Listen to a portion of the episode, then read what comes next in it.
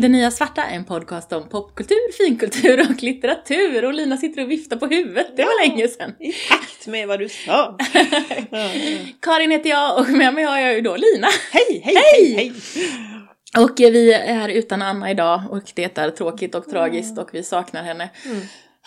Krya på dig Anna. Ja, krya på det gärna. Men Anna kommer tillbaka om ett tag igen, nästa gång tänker vi. Inte nästa vecka, men veckan därpå, skulle vi gissa. Så är det, idag ska vi prata om tv-serien His Dark Materials. Men innan vi gör det så ska vi prata om något vi har sett, läst eller lyssnat på. Eh, Och jag tänkte att Lina får börja. Oj, oj, oj, oj, oj. Det säger du nästan Jag alltid. vet. Det, jag måste liksom, det, är min, det är min start. Eh, Vad ska man säga? Det, det är mitt sätt att komma igång. Ja. Eh, och dessutom hade jag ett ögonblick glöm, glömt bort vad jag skulle prata om, vilket är också roligt eftersom jag ska prata om en bok av Philip Pullman. Ja, som har skrivit His Dark Materials. Ja, och som dessutom är en fortsättning på His Dark Materials. Mm, jag... en prequel är det ju. Nej, det här Nähä. är faktiskt en fortsättning. Aha! För det här är del två av Book of Dust. Ja, och vi Ja. pratade ju om La Belle Sauvage för något år sedan, tror Mm. jag det var. Precis, Mm. och då, den utspelade ju sig när Lyra var bebis. Bebis. eh, Mm. Och eh, blev räddad av Malcolm. Mm. Men den här boken utspelar... Den heter The Secret Commonwealth. Mm. Och den utspelar sig när em, då 20 år sen, eller ja, ja 20 år senare, Lyra är i 20-årsåldern. Ungefär. Oj, det Så inte jag fattat. Vad spännande! Vet. Så det här Oj. är efter His Dark Materials-trilogin. Mm. Nu blev jag genast väldigt mycket mer intresserad av att läsa den, Mm. kan jag säga. Ja, det, den, det, Mm. det är intressant. Jag tänkte så här när jag insåg detta, för det insåg jag inte förrän jag tog upp boken. Nej. För jag trodde också att det skulle vara en fortsättning En- på Lyras ja, uppväxt i precis. eh, Jordan Också- College. ja, eller, ja, så. Mm. Men eh, så, så tänkte jag, herregud, jag minns ju nästan ingenting från eh, His Dark Ah, Materials-trilogin. måste läsa om. Eh, ja, jag måste läsa om den. Mm. Men sen så skulle vi ju se serien. Och så tänkte jag, nej men om jag läser om böckerna nu så kommer jag bara bli arg när jag ser serien. så jag gör inte det. så jag har läst den här boken som jag inte har läst klart heller. Jag har kommit halvvägs ungefär. Mm. Eh, så jag har läst i den boken samtidigt liksom parallellt med att jag har sett His Dark Materials-serien. Det måste varit lite vimsigt tidsmässigt. Mm, Ja, men det är också ganska intressant. Det Mm. har gett varandra en del skulle jag säga. Mm. Spännande. Ja. Men den, eh, ja, nej men jag ska ju inte säga så mycket om den här boken egentligen därför Nej, att eh, du, inte om handlingen. alla vill läsa den och... Vi eh, vill inte spoila den. Nej, vi vill inte spoila den. Men hittills skulle jag säga att den är lite jobbig. Mm.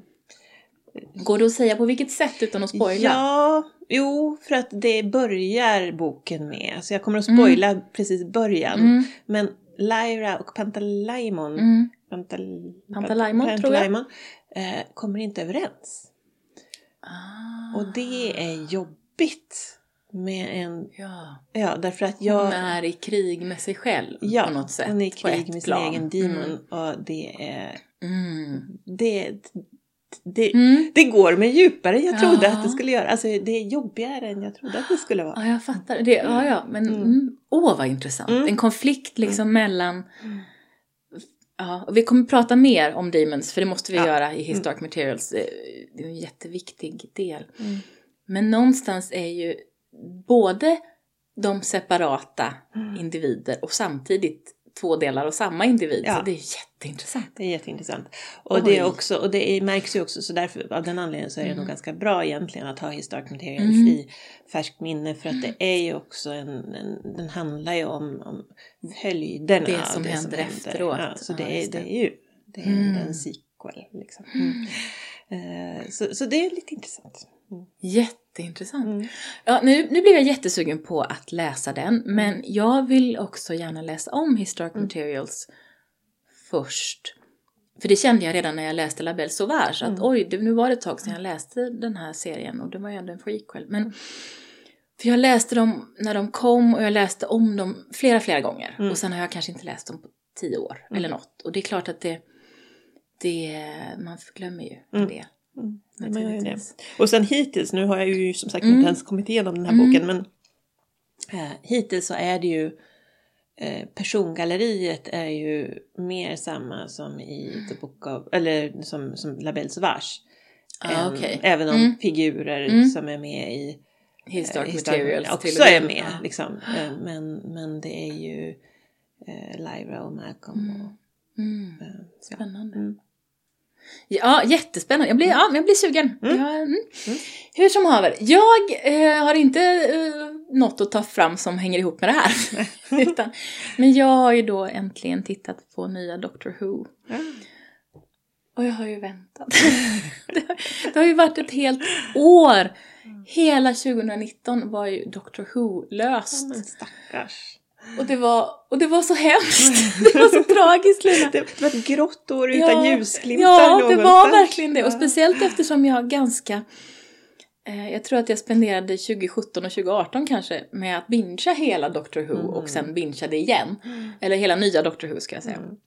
Jag har sett en del eh, klassiska Doctor Who men jag har inte sett allt. Absolut inte ens i närheten av allt och kanske sett 10% eller något bara. Um, ska försöka titta på mer men det är inte så jättelätt att få tag på dem. Det är det stora hindret här. Men jag har ju nu sett början av eh, mm, säsong nummer två av Jodie Whittakers Doktor. Och den är så lovande och jag vågar nästan inte säga det. För att hennes första säsong så tyckte jag att hon var en makalös doktor. Jag tyckte att hennes companions var bra och väldigt lovande karaktärer som inte riktigt fick eh, blomma ut ordentligt. Men att berättelserna inte riktigt, de var inte så intressanta. Mm. De var ganska lösryckta sådär. Nu är det, här har vi veckans monster eller Mm. veckans problem eller veckans grej. Och ganska konsekvenslösa. Mm. Eh, Lite sådär lite mer glättigt och konsekvenslöst. Och det är inte den Doctor Who jag uppskattar mest. Nej. Men nu, dels har Chris Chibnall eh, som är showrunner sagt att det kommer vara flera tvådelade avsnitt och det finns en över, överordnande eh, seasonal arc som Mm. ju som är allt jag vill ha. Jag vill bara, jag vill ha det. Ja men det är ju det, det är mycket roligare då. Det är så otroligt mycket roligare då. Sen får det gärna vara, det får gärna vara avsnittets monster också. Men bara Men det, det, måste liksom hör till arken. koppla ja. i, liksom, hu- hugga i. Ja. Eh, Så. Och första, eh, jag har sett första och andra avsnittet eh, Spyfall, eh, del 1 och 2. Och det är helt fantastiskt. Mm. Och Jag ska inte spoila någonting för någon, men det är helt fantastiskt. Och, och hon är den underbaraste doktorn någonsin. Och jag bara älskar henne så mycket. Och hon är så bra. Stephen Fry är med i Oh. första avsnittet. Eh, Är han, är han veckans monster? Nej. Nej, äh, ja. Nej, han är, det är, eh, det här, de här två avsnitten är lite James Bond-esk historia. Den heter ju Spyfall. Mm, lite, ja. Eh, inte Skyfall utan Spyfall då. Mm. Och eh, han är chef för MI5. Mm. Och MI5 har ju inte haft så mycket med doktor, doktorn att göra. Det, det, det är jättebra. Mm. Det är så otroligt bra och hon är så fantastiskt bra. Redan i första avsnittet så kommer det en sån där reveal som är bara en sån Mm. kommer. Mm. Ja, det är så underbart. Jag ska inte säga något. Men det är så himla bra. Så att jag är jätte eh, entusiastisk över den här säsongen. Jag hoppas bara att den levererar. Mm. För de har ju väntat ett helt jävla år. Extra med att göra den, så den ska baske mig vara bra. Ja. Mhm. Ja, Varför gör man så? Det är inte okej. Det här är ju BBC vet du, de har ju ingen... De kan göra hur de vill. Ja.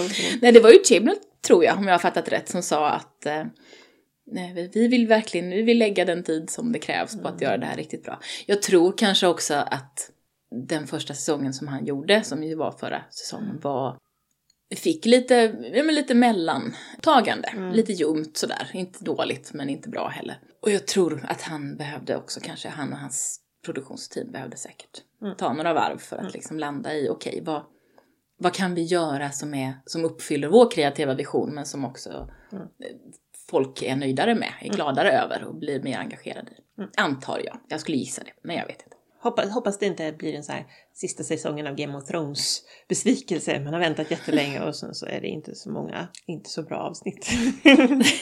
Men du är ju redan jätteentusiastisk. Jag är redan Så jätteentusiastisk. Ja, vad roligt. Ja, det är så, det är så roligt. Jag är så, jag är så lycklig. Äntligen. Jag vill se om hela nya Doctor Who. Ja. Igen, Igen. igen, igen, igen. Vi ska prata om tv-serien Historic Materials, så du hade förberett lite min vän. Ja, vi pratade ju om, sådär jättelänge sedan, så pratade vi om La Belle Sauvage och då pratade vi ju lite grann om, om hela bakgrunden. Mm. Men jag drar lite, jag drar, drar lite snabbt igen ifall Gör det är nya lyssnare. Jo. Man har glömt hur man nu skulle kunna glömma vad vi säger i något Ja, avsnitt. Det måste man ju komma ihåg. Alla allt vi säger är ju lika viktigt. Alla våra läsare kommer få läxförhör. läsare, har vi läsare, läsare? lyssnare. lyssnare. Vi ska skicka ut en, en läsarquiz till våra lyssnare. Ah! Det blir Det, det är det nya nu. Ja, men, men Historic Materials är ju Mm. en trilogi som är skriven, en boktrilogi från början som är skriven av Philip Pullman. Mm. Och den består av böckerna Northern Lights som heter The Golden Compass i USA Mm. som kom 95. Eh, så kom fortsättningen The Sub- Subtle Knife 1997 Mm. eh, och The Amber Spyglass år 2000. Och den här, den här serien då som hade premiär den 3 november eh, på BBC 2019. 2019 precis, och 4 november på 2019 på HBO. Mm, just det. Eh, Som är- är en BBC och HBO samproduktion va? det är det är det. spännande. Mm. Precis, den bygger ju då på de här tre böckerna, hittills i alla fall. Det är väl lite inslag även från The Book of Dust, Mm, La Belle. Mm. Sauvage. Den, I början av den här Mm. eh, serien så, så, så är det ju lite inslag därifrån. Jag kan ju prata, bara dra historien lite snabbt. Att Mm. Ja. Det handlar ju då om en flicka som heter Lyra Belacqua som är uppfostrad på ett, eh, ett college Mm. bland en massa I Oxford. i Oxford bland en massa akademiker, Mm. akademikergubbar. Mm. Mm, Men hon har den bästa vän som heter Roger. Och hon lever i, ja, hela världen är ju ett världsbygge som består Mm, en av alternativ en värld. alternativ värld. Där så, och egentligen så handlar ju den här bokserien om parallella världar. Mm. Där. Lyra växer upp i en parallell värld till vår, där människan är splittrad i Mm. människa och demon som är ens själ i djurhamn. Ja, en del av ens själ i alla fall. Ja, I djurhamn Mm. som man har utanför kroppen. Som, och hos barn och unga så kan den här demonen ändra skepnad. Men sen så när man blir, kommer i puberteten Mm. så fastnar, så bestämmer sig demonen för vilken ja eller bestämmer sig inte eller, riktigt rätt. nej, utan Den- den, antar Den sin antar sin form på något Precis. vis. Jag tror en, inte att det är en medveten bestämmelse utan det är på något sätt så Det- blir det den den skulle vara. På något vis. Precis, precis. Men det är lite så som eh, den världen är. Där det finns någonting som heter dust som alla Mm. är väldigt fascinerade av. Eller Lyra upptäcker att det här pratas mycket Mm, om och det är något magiskt. Men sen så finns det ju också andra världar. Mm. Och i en av de världarna som är vår värld så bor det en pojke som heter Will Perry. Som det också handlar om. Mm. Och i bokserien så kommer han ju in först i andra boken. Mm. Men i den här i serien så eh, Kommer han in tidigare? redan, redan i första, eller ja, redan i första säsongen. Man, man ska kanske också bara nämna att det kom en film 2007 det ska man som hette The Golden Compass. Som eh, hade Nicole Kidman som den onda Mrs Coulter Mm. och Dave, mm, vad heter han? Eh, Daniel Craig Mm. som Lyras pappa Asriel. Mm, så. Eh, och den filmen var väl inte så framgångsrik. Den var tydligen väldigt, väldigt dyr Mm. och ingen ville titta på den. ja, precis. Och den var inte så speciellt bra heller, jag såg den. Ja. Den var ganska... Ja, Du och jag såg den på Ja, bio jag tror det. Den, men den var ju alldeles för... Så här. Det är en extremt komplicerad värld. Mm. Och den försökte berätta alldeles för många saker om den här extremt komplicerade världen samtidigt. Samtidigt som den helt skar bort allt det som handlar om religion. Mm. Som är otroligt centralt i både hur världen är uppbyggd och hur historien fungerar. Mm. Vilket gjorde att det blev ganska obegripligt alltihopa. För det är ju oerhört religionskritiska böcker. Ja, Eh, så, och den här världen, Lyras värld, styrs ju av The Magisterium. Ja, som är någon form av katolsk kyrka. Katolsk-ish, lite oklart. katolsk, ja, precis. Mm. Och, eh, Mm. representanterna för kyrkan och ja, de gudomliga gestalterna är väl inte, de, de, de är helt enkelt onda. mer Ja, eller mindre. De är i grunden inte, alltså de är i grunden inte välvilliga och framförallt inte mot, eh, de är, otro, de är, de är ju fascister. Mm. De försöker ju, de vill ju styra allt och alla. Och de är besatta av det här med att utrota synd och Mm. Ja, alltså. precis. Så, Och att kontrollera. Och Mm. de var ju någonstans, det tyckte jag blev ännu tydligare i La Belle Sauvage än vad jag tyckte det var i His Dark Material-trilogin. Just hur onda de faktiskt är. Mm. Eh, Även om man, det är klart de var superonda i den här också. Mm. Men på något sätt var det mer uppenbart. Ja men precis, för han har nog jobbat vidare på Ja, den idén. precis. Och där, eh, då när den här Hollywoodfilmen Mhm. skulle komma så skar man ju bort en hel del av religionskritiken och Ja, gjorde allt, ett glättigt slut på filmen trots att den boken slutar i mörkaste, Mhm, mörkaste mörker. mörka. Eh, Och det var liksom inte... Alltså Den jag, var jättekonstig. Nicole Kidman tyckte jag var fantastisk. Men, Men hon är ju fantastisk, men också, ja, det räckte ju inte alls. nej. Nej. Nu är vi klara med ja. den filmen. Precis, så den har jag nämnt nu. Eh, och eh, den här serien då, där jag kan bara nämna att Daphne Keen heter hon som spelar Lyra Blacqua. Och Ruth Wilson spelar Marisa Coulter. Eller den on- onda Mrs Coulter. eh, och sen så James McAvoy spelar Lord, Lord Asriel. Och han har varit med i mycket, jag kände igen honom Ja, jätteväl. men han, det är väl han som spelar i X-Men, de här tidiga Ja, X- han, spelar Xavier! Mm. Ha! Ja, Snyggt! jag tror det i alla fall. jo, men det ser ut som han. Om man tar av Ja. honom håret så är så han ut som Xavier. Det är därifrån jag känner igen honom säkert. Ja, bra, tack! Och så är det en kille som heter Amir Wilson som spelar Mm. Will. Ehm, Och sen är det ju också um, Lin-Manuel Miranda som spelar uh, Lee Scoresby. ja, just det, precis. Det, det är ju en, en annan kändis. Just det. Och jag känner även igen Anne-Marie Duff som Ja. spelar Ma Costa. Mm. eh, som är typ Gyp- Gyp- Egyptian? Ja, precis. Eh, som, som en slags Mm. eh, båtfolk. Eh, Det är ju någon slags... Det, det här är ju, det här kan vi prata mer om, men det är ju någon slags hänvisning till eh, någon, alltså romer, typ. Mm. Fast Eller båtromer. travelers. Ja, eh, typ. lite så. Mm. Mm, så. Båtromer Mm, båtromer. är de. Precis. Och Lyra är ju 12 år och hon som spelar Lyra är 14 Mm. såg jag. Så det är inte så, det är inte så långt emellan. Hon är, om man ska prata casting så tycker jag att hon är väldigt bra. Mm. Hon som spelar Lyra. Jag har ju sett de första tre avsnitten för det var det vi skulle se. Du har sett nästan hela säsongen va? Ja, det är åtta avsnitt och jag har sett sex avsnitt. Ja. Mm. Och tydligen, om jag har fattat rätt, så är en säsong ska vara första boken. Mm. Eh, så det är Northern Lights som de, som de håller på med nu. Mm. Och så ska de... Fast med inslag från The Subtle Knife. Ah, okej. Eh, Eftersom Will...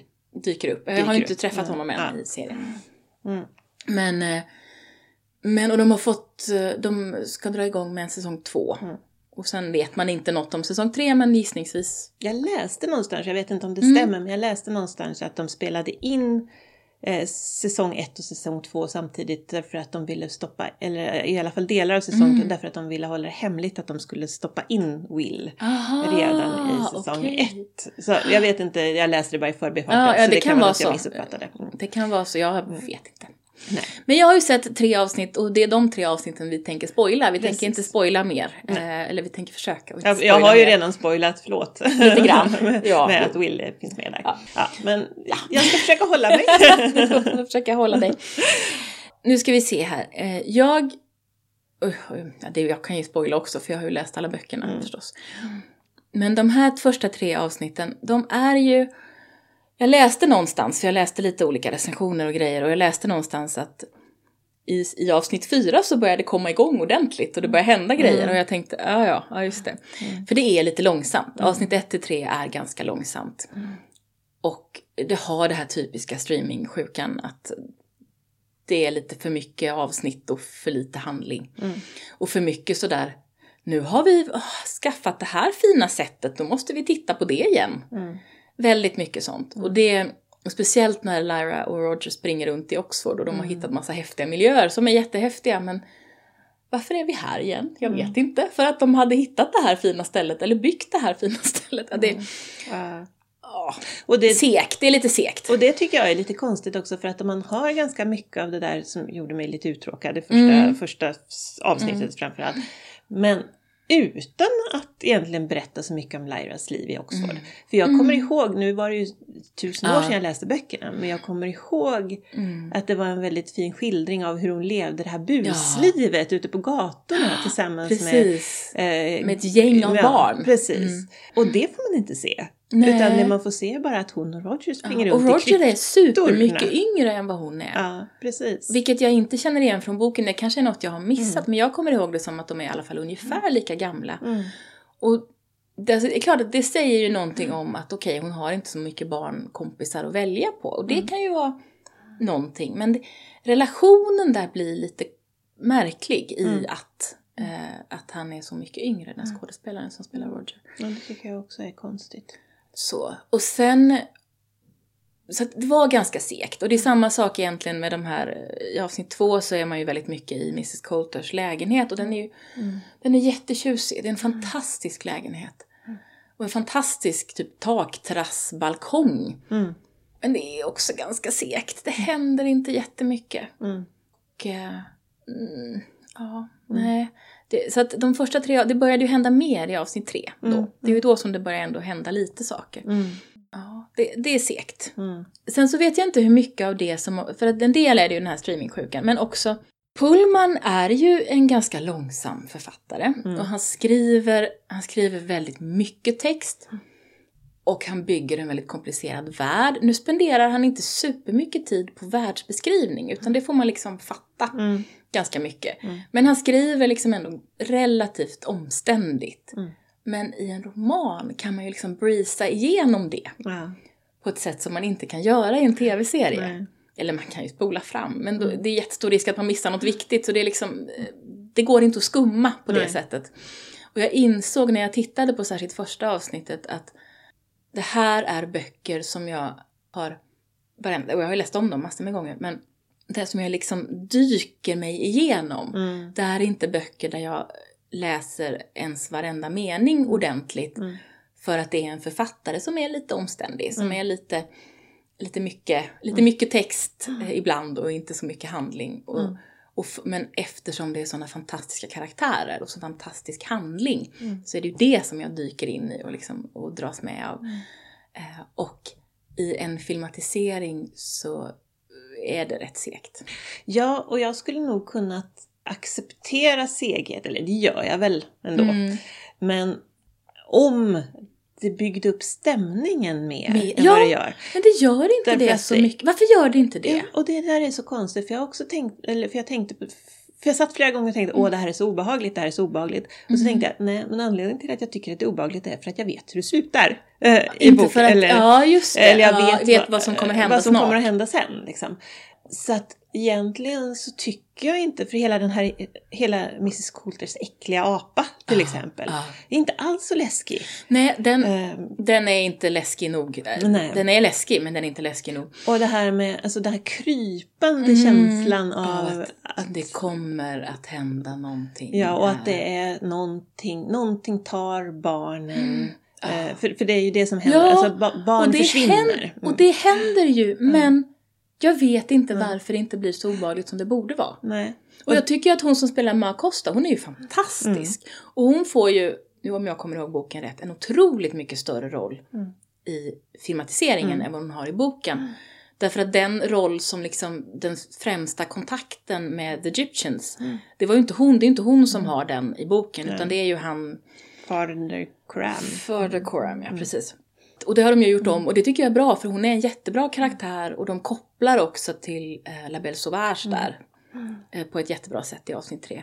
Men, men jag vet inte varf- varför är det inte varför är det liksom mest tråkigt Mm. där i första avsnittet när de springer runt i Oxford och inte sådär krypande läskigt och nu och spännande. Mm. Det är inte spännande.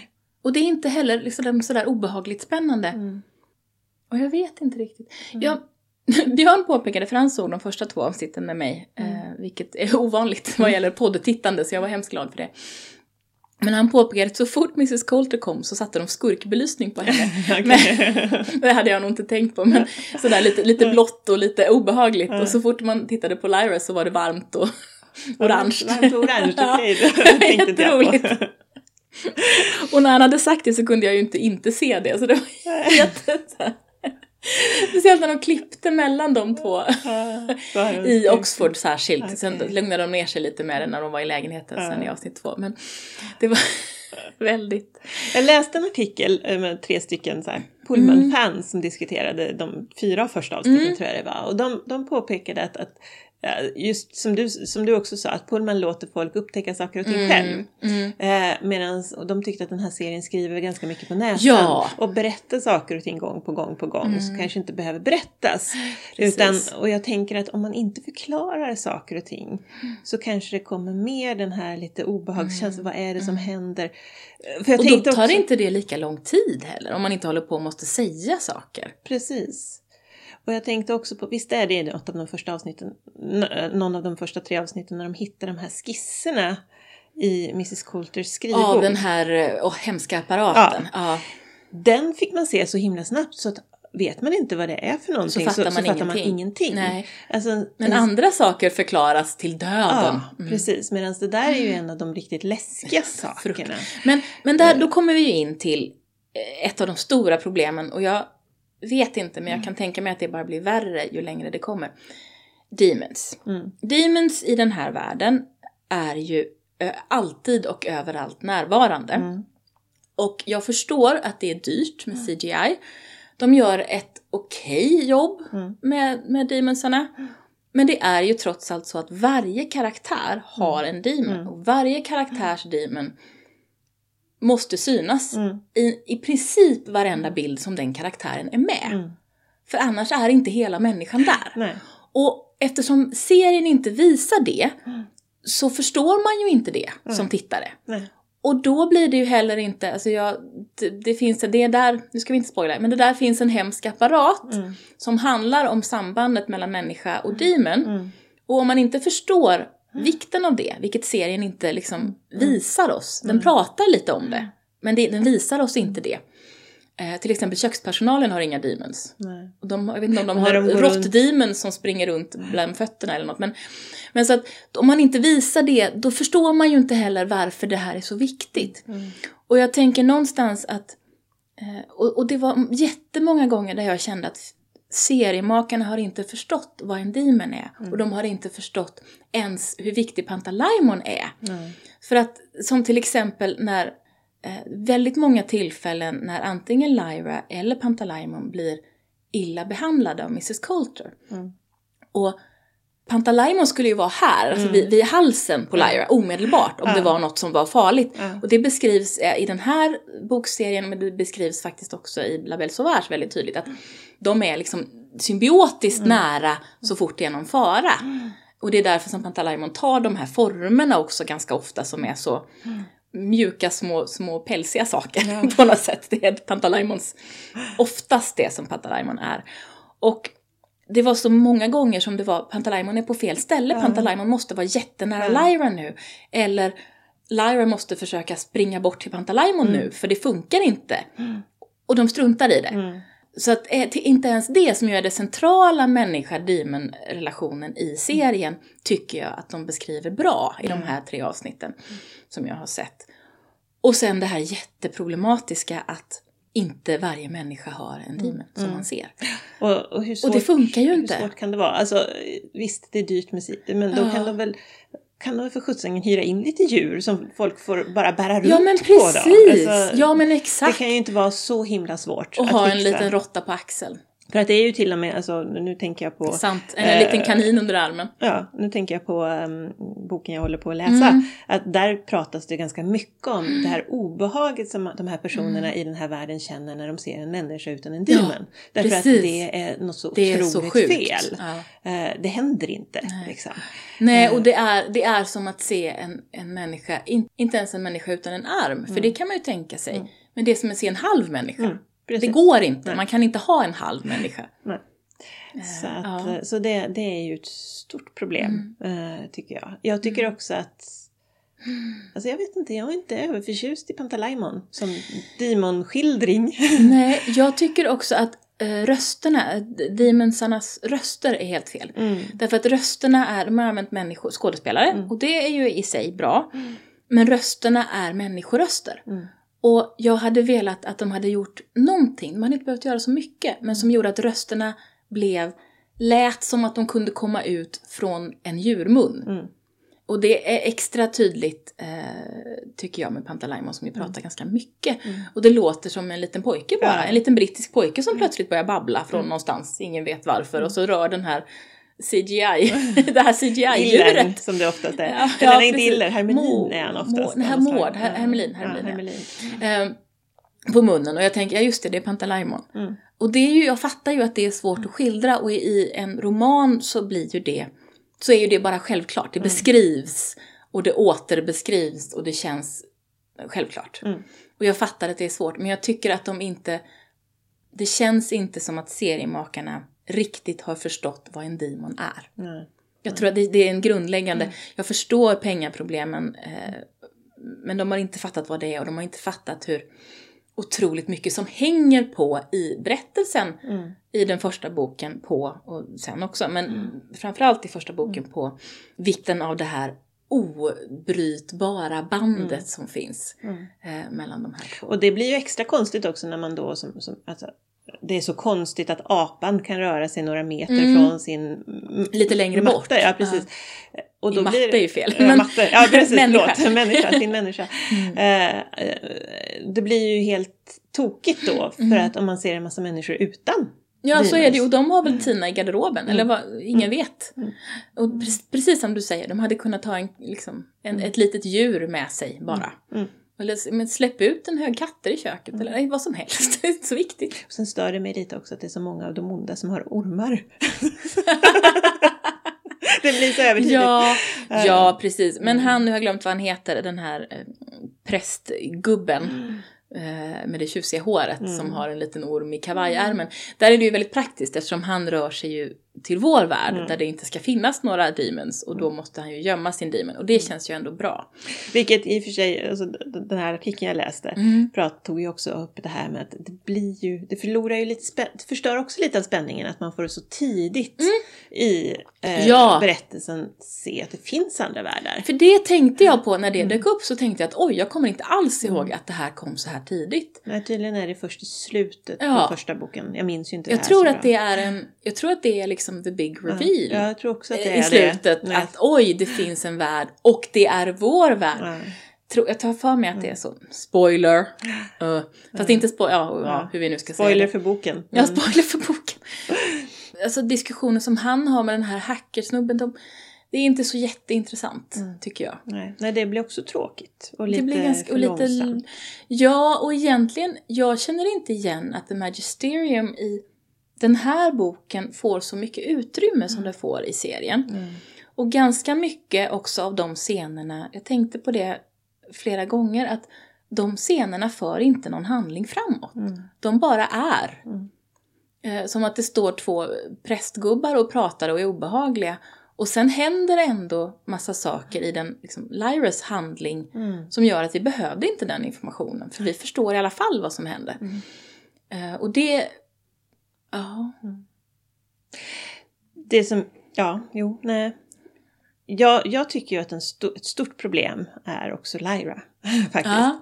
Eh, Jag tycker hon är jättebra. Mm. Men eh, som de har skrivit manuset eh, så är hon ju, eller som jag minns Lyra, Mm. så minns jag henne som jätte, jättekvick och Mm. Som en person som kan övertala vem som helst till vad som Mm. helst. Det är därför hon, ja, Mm. kallas silvertongue. Och att hon, hon, driver saker och ting. Hon, hon, hon är orädd. Hon är, alltså, saker och ting händer på grund av henne. Mm. Ja. Och det, här, det tog de upp också Ja, i den här absolut. artikeln jag läste. Att här är hon mer en sån som bara far Låt- med. Ja. Eh. Hon tar inga Bra. initiativ utan hon, Mm. är, eh, hon är en person som... Det händer saker med. precis. Hon, är, hon har ingen egen eh, agency. Och där det har här, ja, åh, bra! För det här har jag känt, Ja. men inte kunnat sätta fingret på. Nej, ja, hon, precis. hon är inte central på det sättet förutom att de har, håller på att tjata in hela den här profetia-biten som jag inte minns alls från boken. Eh, utan med den... Ja, den minns jag, men jo Ja, då. ja, Men okej. den är inte så central. Utan eller? det är mer sådär, hon är den utvalda. Eh, eller ja, hon är speciell Mm. liksom. Eh, men men eh, det var inte så viktigt för mig. Eller liksom, jag, jag tycker inte det var så viktigt i boken utan det var mer att hon gjorde så himla mycket saker. Mm. Och eftersom hon inte är den som, som driver historien så är hon nästan inte alls lika intressant som Mrs Coulter. Nej, som jag precis. tycker är fantastisk. Ja men hon är, hon är, hon är eh, Ruth Wilson gör ett fantastiskt jobb med henne. Hon är otrolig. Men hon är också, jag tycker att man, det känns redan i tre avsnitt som att hon är, det finns öppningar för att se henne som sympatisk Mm. på ett sätt som hon absolut Nej. inte är i boken. Och det är intressant. De har ju gjort henne mångfacetterad Men på inte- bekostnad ja, av Lyra. lite så tror jag. säga. Men det är frågan om vad som kommer att hända framåt. Mm. För att Mrs Coulter är inte med lika mycket i nästa, de nästa böckerna. Ja. Så att det får man ju se lite. Men, Lyra- nej, men jag tycker hon är, alltså, skådespelaren tycker jag är bra. Och ja, hon gör ju ändå en del saker, men det, det stämmer att det är mycket som bara händer. Mm. På ett lite märkligt sätt. Och som inte... Alltså Lyra som karaktär är ju nästan som en Pippi Långstrump-karaktär. Mm. Som, som bara, nu tänker jag göra det här. Och så gör hon det bara. Mm. Ja. Eh, fast mycket charmigare än Pippi, för Pippi är ju mera bara direkt och bara Mm. säger grejer. Men, men en sån där otrolig, en kavat, en kavat Mm. Eh, ung kvinna, ung flicka. Det är ju intressant. Mm. Men jag tänkte prata också om castingen, inte bara om castingen av de, de väldigt kompetenta eh, huvudrollskådespelarna, utan den här eh, den otroligt fascinerande race blind castingen som Mm. de har ägnat sig åt. Ja. Eh, för att det här är ju alltid så intressant. Det här Mm. pratar vi ganska ofta om. Jag tycker ju i grunden att det är, ju- det är klart, okej, det är bättre att ägna sig åt race blind casting än att plötsligt låtsas som att alla i den här konstiga parallella världen är vita, som det är ju ofta är det som är defaulten om man inte gör det. Mm. Så det är okej, steg ett. Mm, okej, bra. Men det de gör, och det som många gör, eh, och som jag tycker är eh, väldigt märkligt och skapar konstiga spänningar i historien, det är ju att de stoppar in i huvudsak vita och svarta skådespelare i alla möjliga roller på alla möjliga nivåer och i alla möjliga grupper på ett sätt som känns helt slumpartat. Mm. Och det gör att man inte överhuvudtaget hanterar den eh, makt, eh, alltså den, den hierarki som i vår värld finns Mm. mellan eh, olika etniska eh, grupper. Och det gör ju då att, att det blir väldigt svårt att förstå eh, hur de här människorna plötsligt är blandade fast det finns jättetydliga sociala hierarkier på andra nivåer. Mm. Fast inte utifrån det här. Och det är ingenting som överhuvudtaget hanteras att det finns inga hierarkier på grund av, av etniskt ursprung. Som det ju gör i vår värld. Mm. Så det blir väldigt konstigt. Eh, för det hade ju kunnat vara, vara att man hittade, man hittade någonting. Den här grupperingen har väldigt många eh, människor med makt som kommer från, som har det här ursprunget. Och den här grupperingen har istället tvärtom. Så skulle man kunna göra. Mm. Eh, om man vill. Men det är väldigt utsmetat på ett konstigt sätt. Och det är ju också så att man har ju i princip bara svarta skådespelare. Man har ju till exempel inte asiatiska skådespelare. Nej, Eller, Den enda va? eh, jag jag tror har inte det. Eller eh, om man tänker eh, urinvånare i USA till exempel. Inga sådana. Man har inga sydamerikanska skådespelare. Ja, Lin-Manuel Miranda har ju det ursprunget. Fast han ska ju mer vara från Texas. Alltså. Precis. Ja. Men jag menar, man har, man har liksom inte, man har inte blandat alla de andra etniciteterna som man skulle kunna blanda in har man inte blandat in. Nej. Och om man tänker på, det här utspelar sig ju i någon, någon slags England. Eh, om man tänker på alla, alltså Indien och Pakistan som ju är en otroligt stor grupp som finns representerade i Storbritannien. Som jag inte kommer ihåg någon. Det kanske finns någon som jag har missat men jag kommer liksom inte ihåg att det var någon tydlighet. Så det känns ju då utifrån detta mest som att de gör det för att kunna säga haha, vi är jätteinkluderande. Mm. Mm. Och det är ju lite meningslöst. Ja. Eller det är, inte, det är ju inte helt meningslöst. För det finns ju en poäng i att inte bara ha en massa vita skådespelare till Ja. allting. För det är ju, jätte, det är ju ännu värre, Mm. naturligtvis. Mm. Men det blir också väldigt onyanserat och ganska svår, svårbegripligt. Mm. Och, det, ja. Mm. och det stör tittandet på något Det sätt. stör tittandet Mm. eftersom det är så blandat. Mm. Det är liksom utsmetat blandat. Ja, för att det är ju liksom rektorn på Jordan College Ja. är svart. Och vad heter han, han som är ledaren för Gy- Egyptians är också han, svart. Ja. Och även katol, katolik, det finns ju hög, högt uppsatta av Mm. de här um, Mm. de magisteriumprästerna Mm. är svarta, lite blandat Mm.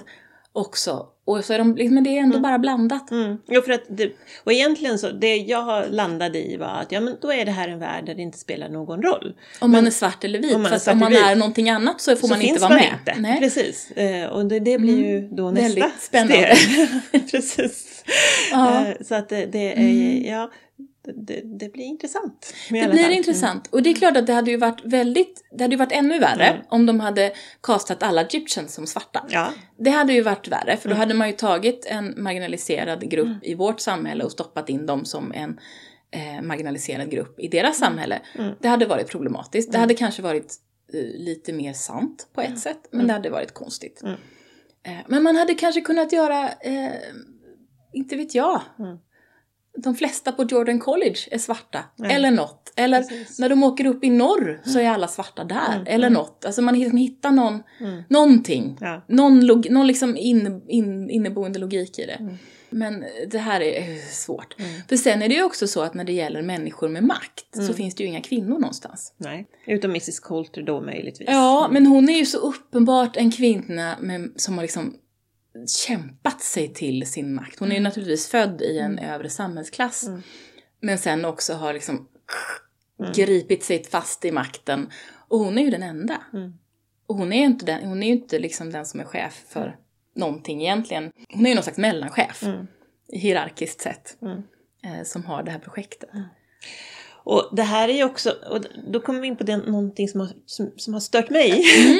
För att det här är ju också en, det här är ju en värld som är, det där inte, som inte bara skiljer sig från vår, vår värld i nutid genom det här med Mm. demons, utan det är ju en värld som på något sätt inte utspelar sig riktigt i samma tid Nej, som precis.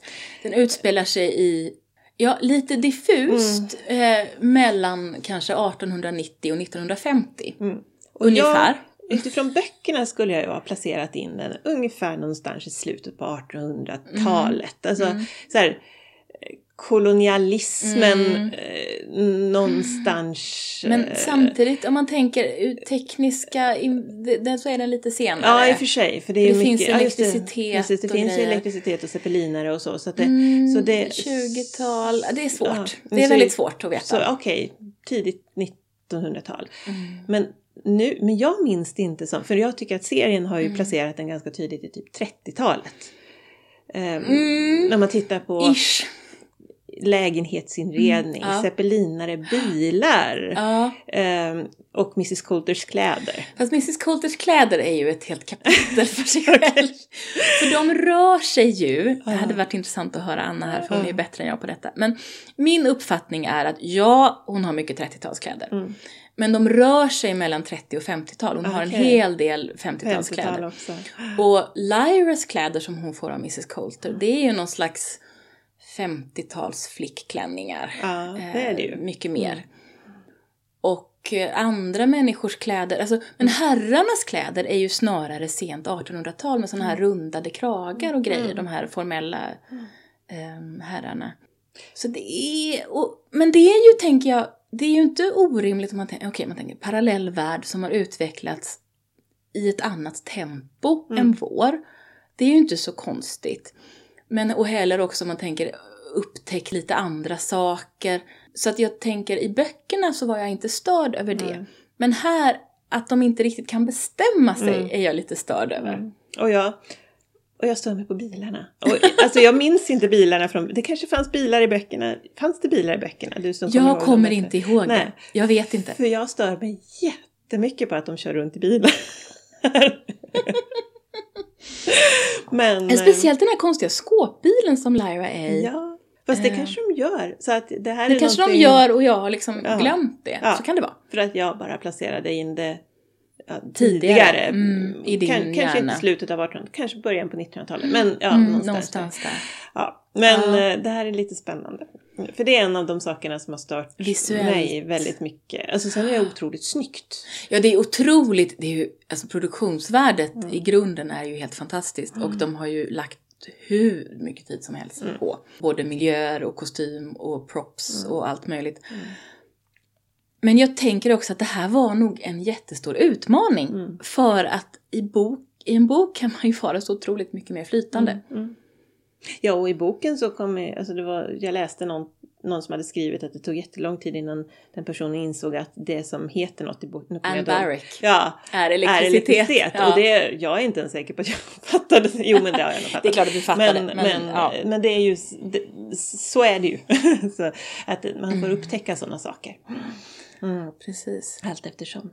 Men det, alltså det är ju, även bara de tre avsnitt jag har sett, det är ju en sevärd serie.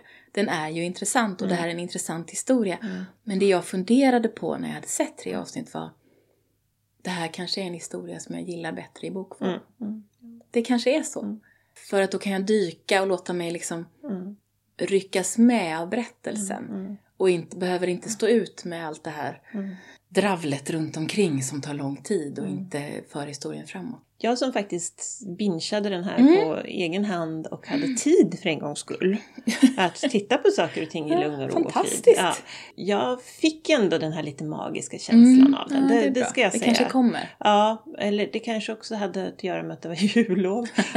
och jag inte kände mig stressad så att jag kunde ge det tid.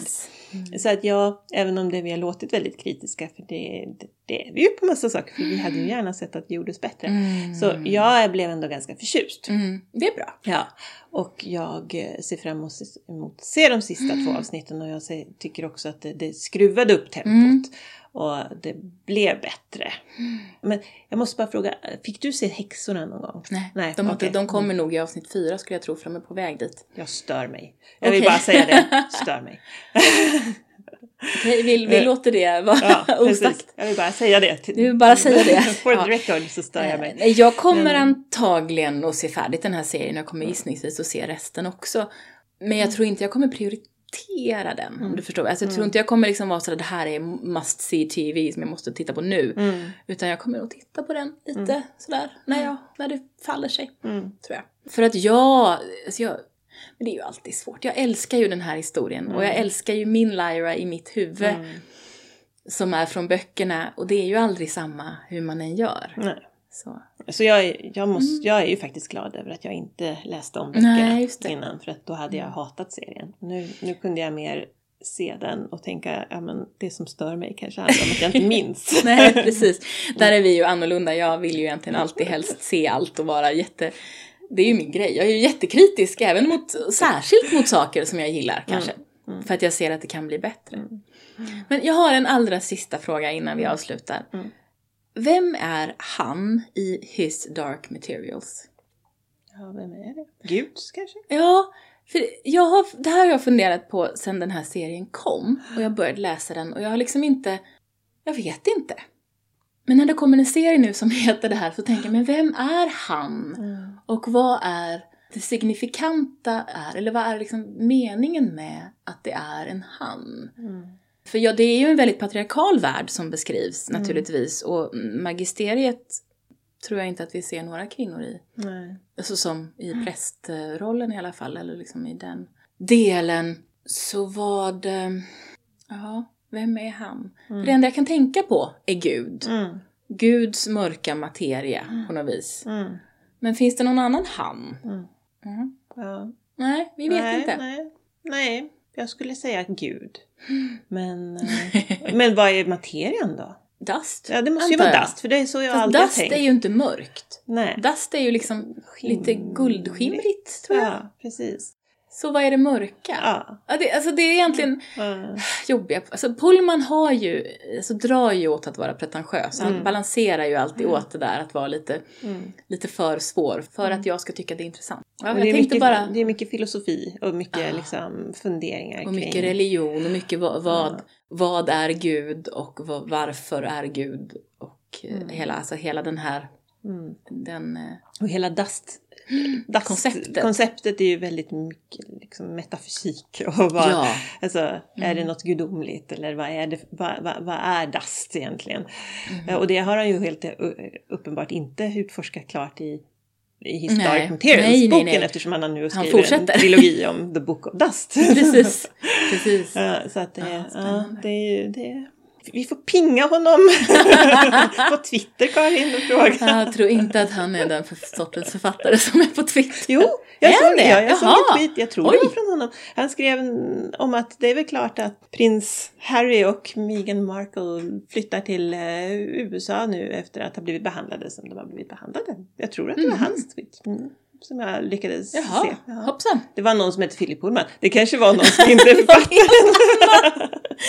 Det verkade ju inte då handla om hans romaner, Nej. kan man säga.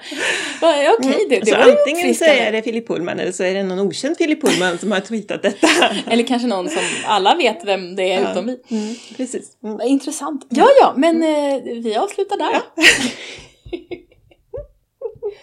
Jag måste kolla om det är han. Tack för att du har lyssnat på Det Nya Svarta. Om du gillar det vi gör får du gärna rekommendera podden till någon du känner. Du kan också skriva en recension i din poddspelare eller på vår Facebook-sida. Om du vill veta mer eller kommentera det vi har pratat om hittar du oss på Facebook, Det Nya Svarta Podcast, på Instagram, Det Nya Svarta understreck podd, Twitter att Nya Svarta eller mejla till nyasvarta at gmail.com. På vår hemsida kan du hitta länkar till det vi har pratat om och lyssna på fler avsnitt. Detnyasvarta.podbean.com Podbean stavas P-O-D-B-E-A-N. Du hittar också alla våra avsnitt på Apple Podcasts, det som förut hette iTunes, Google Podcasts och där poddar finns. Hej pussis!